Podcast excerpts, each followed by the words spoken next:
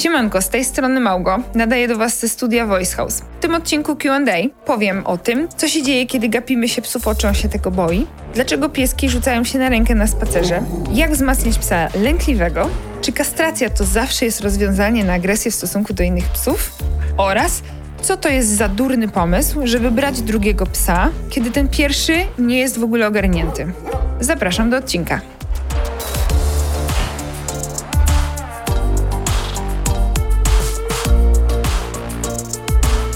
Słuchasz podcastu? No stres, to tylko pies. Moi drodzy, będziemy się teraz słyszeć ja plus wy. Mam nadzieję, że to jest dla was ok. Przygotowałam dzisiaj dla was odcinek Q&A i z pytań, które do mnie przesłaliście w ilości milion. No dobra, milion nie było, ale było ich dużo. Musiałam sobie wybrać te pytania, takie, które na przykład się nie powtarzały, takie, których nie było wcześniej, takie, które uważam, że są z punktu widzenia mojego ciekawe i mogą wnieść fajne treści do waszego życia.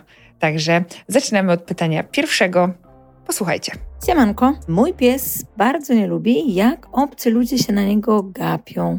To znaczy, za długo na niego patrzą. Już nie wspomnę o tym, że oczywiście jak zaczynają tam mówić, że jest super słodkim pieseczkiem, to on wtedy zaczyna drzeć japę. Aczkolwiek nawet jak czasem się nie odzywają, tylko po prostu za długo się na niego patrzą, on się zaczyna denerwować i również zaczyna szczekać. Wiem, że najlepiej byłoby wybić wszystkich tych ludzi, no ale myślę, że może się nie udać. Co mi na to poradzicie? A propos tego wybijania, to zawsze można próbować, ale myślę, że to nie jest najlepszy pomysł. I tutaj dla Was informacja na temat wgapiania się w psie oczy. Gapienie się na psa, czy wpatrywanie mu się w oczy, jest to sygnał grożący. W sensie może w komunikacji psiej być odbierany jako sygnał grożący, zwłaszcza jeśli tego psa nie znacie, jeżeli ten pies nie zna Was. Dlatego, że jak już znamy swojego psa i mamy z nim zrobioną relację i tam pracujemy nad tym, żeby on nam patrzył w oczy i tak dalej, to to patrzenie w oczy podczas treningu, czy z naszym psem, czy ze znajomym psem, jest bardzo mocno uwarunkowane pozytywnie dla psa, dlatego że uczymy psa, że ten fokus, który będzie na nas miał, jest nagradzany, czy to jedzeniem, czy to zabawką, czy to przytulaniem, czy to jest rozpoczęcie do dalszej współpracy. Więc to jest zupełnie inne patrzenie niż w momencie, w którym pies jest dla nas obcy i sobie gdzieś tam, wiecie, siedzi, próbuje sobie w ogóle poradzić z tym życiem, bo tutaj musimy wziąć pod uwagę to, że dla tego psa w ogóle ta cała sytuacja może być za ciężka i on sobie po prostu nie radzi z tą całą sytuacją. Plus jeszcze dodatkowo dostaje sygnały grożące od obcych osób, których się boi. W związku z tym jego ciało reaguje od razu dystansem, czyli to szczekanie jest informacją dla osób, które się wgapiają w twojego psa. Jest informacją, możecie się po pierwsze przestać gapić, a po drugie spieprzać najlepiej jak najdalej ode mnie, dlatego że bardzo niekomfortowo się czuję w tej sytuacji.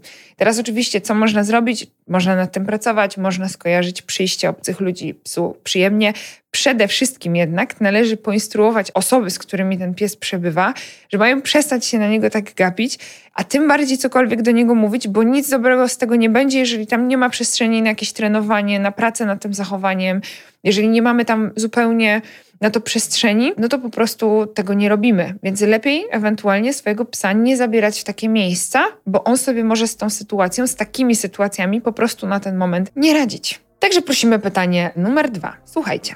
Cześć Małgo. Właśnie wróciłam ze spaceru z psem i stwierdziłam, że tym razem miarka się przebrała i muszę do ciebie napisać, muszę ci wysłać wiadomość, ponieważ znowu mój pies zaczął odwalać i za każdym razem, kiedy się podekscytuje, kiedy nie wiem, czymś się nakręci, albo nie może czegoś dostać, nie może, nie wiem, wziąć sobie śmiecia z podłogi, to zaczyna skakać, zaczyna podgryzać. Może to nie byłby wielki problem, gdyby nie to, że on waży ponad 30 kilo.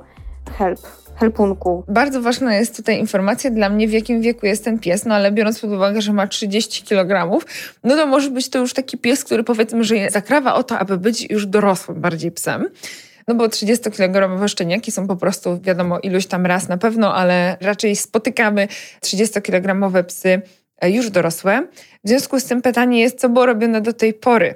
Dlatego, że jeśli pozwalamy naszemu psu na to, aby rozładowywał swoją frustrację jakiegokolwiek powodu, czy to właśnie, że nie pozwolimy mu do czegoś podejść, czy nie pozwolimy mu podejść do psa, czy nie pozwolimy mu poszczekać się z jakimś psem przez płot i tak dalej, to w tym momencie pies będzie próbował jakby jakoś rozładować te frustracje, więc będzie robił przekierowanie.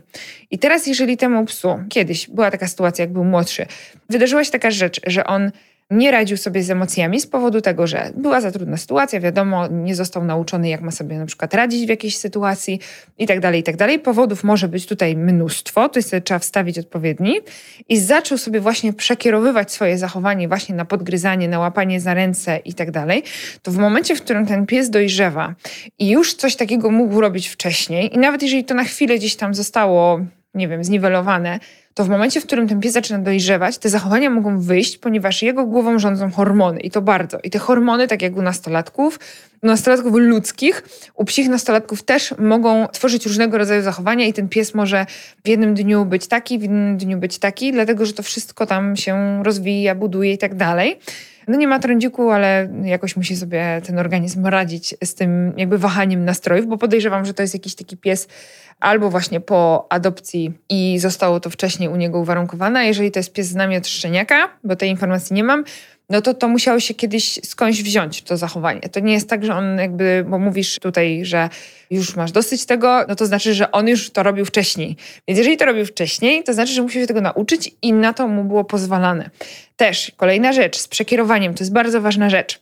Musicie pamiętać, że warunkowanie klasyczne u psa to jest połączenie dwóch bodźców, które muszą nastąpić po sobie w odpowiednim czasie. Czyli jeżeli jest złączenie do 3 sekund, to te bodźce mogą się ze sobą połączyć. I jest przykład taki, że właśnie pies widzi innego psa, zaczyna na niego szczekać, wy nie reagujecie na to, czyli na przykład próbujecie go odciągać, a waszemu psu się to zupełnie nie podoba i on totalnie nie rozumie, co ma robić.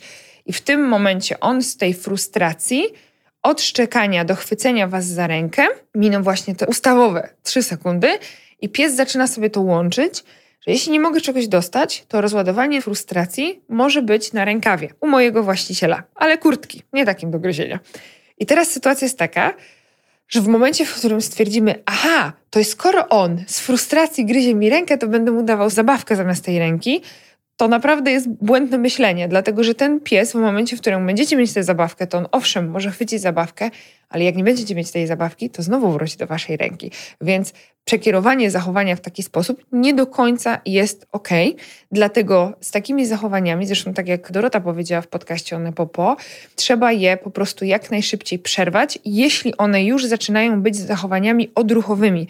Dlatego, że pies nie widzi powodu do zmiany tego zachowania, jeżeli nie damy mu tego konkretnego powodu. A jeżeli on się tym nagradza, czyli podgryzanie ubrań, rozładowuje go w jakiś sposób, jest to dla niego ulga, to będzie to zachowanie wzmacniać. Więc trzeba to jak najszybciej przerwać i wtedy wskazać mu odpowiednie zachowanie. I tutaj jest kolejna rzecz. Prawdopodobnie ten pies nie wie, co ma robić, dlatego robi to, co podpowiada mu instynkt i to, czego się nauczył do tej pory. Także good luck z pieseczkiem, pracuj i w razie czego pisz do nas. Dobra, lecimy z kolejnym pytaniem. Hejka, z tej strony Kaja i chciałabym się zapytać, co robić bądź jakie ćwiczenia wykonywać, aby podbudować pewność siebie u psa lękliwego. Alright, podbudowanie pewności siebie u psa lękliwego. I tutaj Oczywiście mogłabym o tym mówić przez 14 godzin, dlatego że jeżeli chodzi o psy lękliwe, to tam jest naprawdę bardzo duże pole do popisu, jeżeli chodzi o pracę, o ustalanie dla takiego psa treningu. Przede wszystkim taka najważniejsza rzecz dla tego psa, jeżeli chcemy wzmocnić psa lękliwego, trzeba się zastanowić, czy ten pies jest w środowisku, którego rozwija, czy go tłamsi. Bo to jest też bardzo ważna rzecz, jeżeli chodzi o pracę nad lękliwością u psów. W momencie, w którym pies jest w środowisku, którego będzie tłamsić i nie może się w żaden sposób rozwijać, no to się nie będzie rozwijać. I to jest tak jak my. Jeżeli żyjemy sobie na przykład i pracujemy w jakiejś firmie, gdzie szef nas opieprza, sprawia, że się nie czujemy dobrze, stosuje pasywną agresję i całą ilość rzeczy, która nie jest friendly i jest zła energia, to my się w żaden sposób nie jesteśmy w stanie bez zmiany tego środowiska rozwinąć. I psy mają dokładnie to samo, czyli w momencie, w którym to środowisko jest dla nich za ciężkie, one się będą zamykać i nie będą chciały iść dalej. Dlatego jedną z ważniejszych rzeczy, jaką trzeba najpierw ogarnąć, to to, czy środowisko dla psa jest spoko, żeby mógł się rozwijać. I bardzo często jest tak, że trzeba to środowisko psu bardzo ograniczyć, czyli zmienić godziny spacerowe i tak dalej, wprowadzić na przykład inny rodzaj spacerów, chodzić gdzieś indziej, wprowadzić pracę z tym psem przede wszystkim. To jest kolejny punkt numer dwa, czyli czego ten pies się boi i co to znaczy, że on jest lękliwy. Czy to jest tak, że on normalnie funkcjonuje w domu, a wychodzi i się boi na zewnątrz, czy może jest tak, że on właśnie na dworze się czuje wspaniale, bo spędził większość swojego życia na zewnątrz został adoptowany i wzięty do domu i w tym domu nie czuje się spoko, a jeszcze na przykład w tym domu są jakieś hałasy, których on się boi, w związku z tym będzie się w nim czuł źle.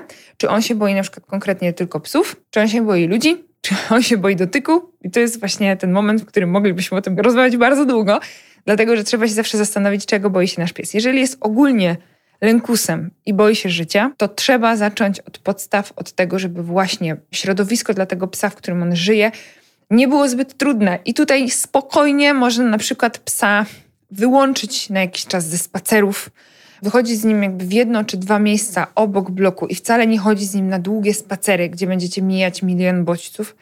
Jeżeli macie taką właśnie sytuację, że on jest ogólnie lękliwy, zastanowić się, dlaczego ten pies zmieni swoje zachowanie, bo musimy wiedzieć, że ucieczka u psa, jeżeli jest lękliwy, to często się to też pojawia, że pies jakby ucieka w takim popłochu, nie? Dlatego, że instynkt przetrwania jest najsilniejszy, w związku z tym reakcja na stres jest fight, flight, tak? Mamy zamrożenie się, ucieczkę, walkę. Jeżeli pies wybiera ucieczkę, to w momencie, w którym idziemy z tym psem na zewnątrz i widzimy, że podchodzenie gdzieś tam do miejsca, gdzie są rowerzyści, jakieś samochody sprawia, że ten pies ucieka w drugą stronę, to jest to dla nas bardzo wyraźny sygnał, że to jest za trudna sytuacja dla tego psa i należy zmniejszyć mu presję ze strony środowiska, bo te rowery, to czego on się boi, to jest nic innego jak presja środowiskowa, z którą ten pies sobie musi poradzić. I jeśli będziemy go tam codziennie zabierać w to miejsce, a pies nadal się tego boi, to będziemy tylko i wyłącznie pogarszać sytuację. Dlatego trzeba najpierw zacząć od odpowiedniego dystansu względem danego bodźca, żeby ten pies był w stanie sobie obejrzeć ten bodziec na początku bez ruchu, bo to jest też kolejna rzecz, którą my robimy, czyli staramy się przechodzić z tym psem przez różne sytuacje. A nie na każdego psa będzie to dobrze działać.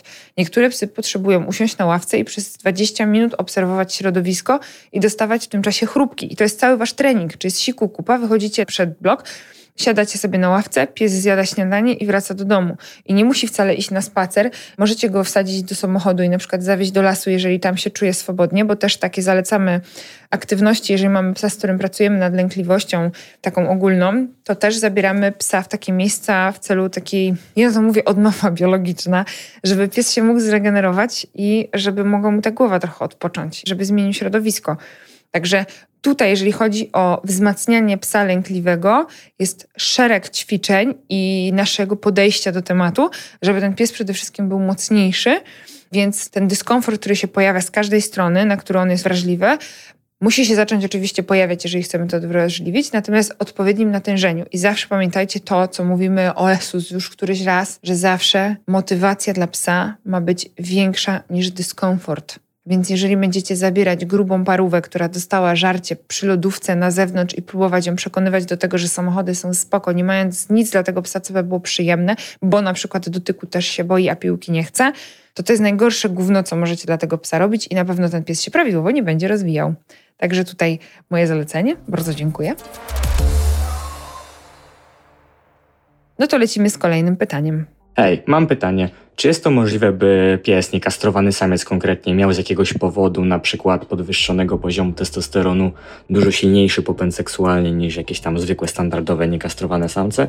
A jeśli tak, to jak duży właśnie to może mieć wpływ na jego no, zachowanie wszędzie tak naprawdę, ale głównie na dworze, na to jak reaguje na inne psy, jakie są jego główne motywacje i jak tutaj pracować z czymś takim? Czy tutaj podstawą byłaby kastracja chociażby chemiczna?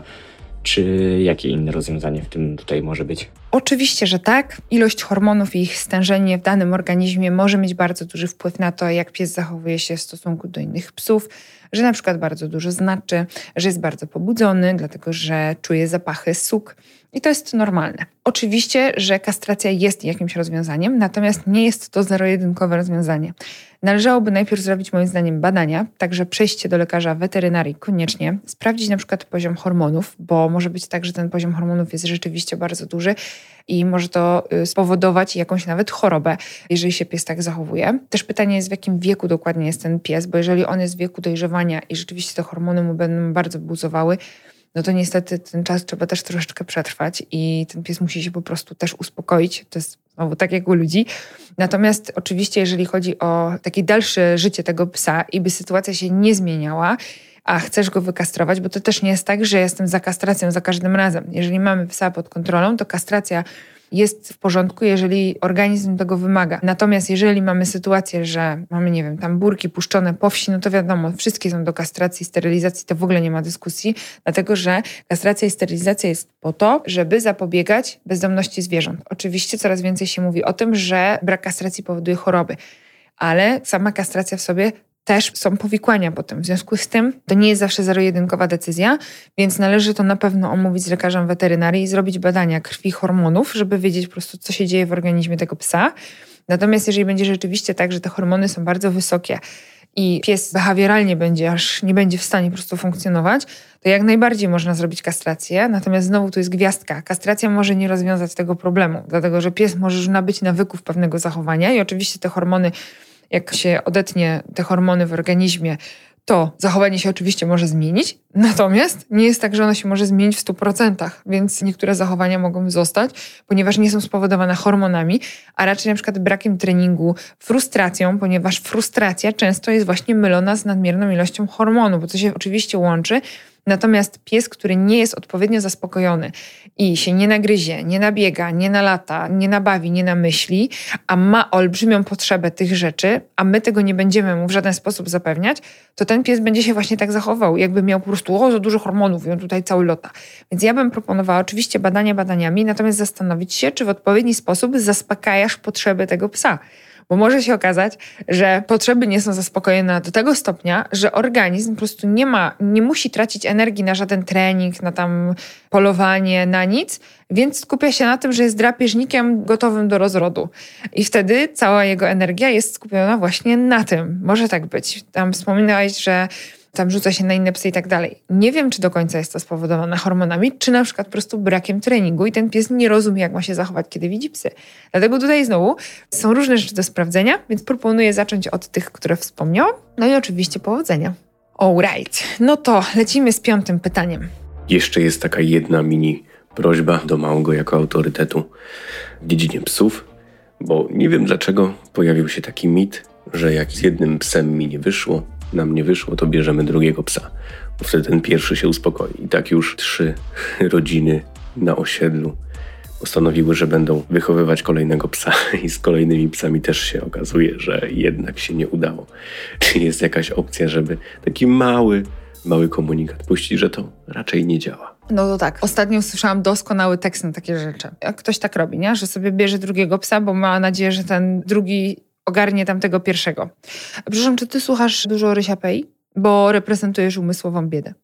Ja bym to tak skomentowała, natomiast biorąc pod uwagę to, że ten podcast ma wnieść jeszcze troszeczkę więcej wiedzy, no to powiem tak. Uważam, że to jest skrajna głupota w momencie, w którym bierzemy drugiego psa, żeby ogarnął tego pierwszego. To jest naprawdę straszna bzdura i tak się nie robi. Więc jeżeli mamy sytuację, że nasz pierwszy pies jest rozjebany i on nie ogarnia, to wzięcie drugiego psa wcale nie zmieni tej sytuacji, a może ją nawet pogorszyć.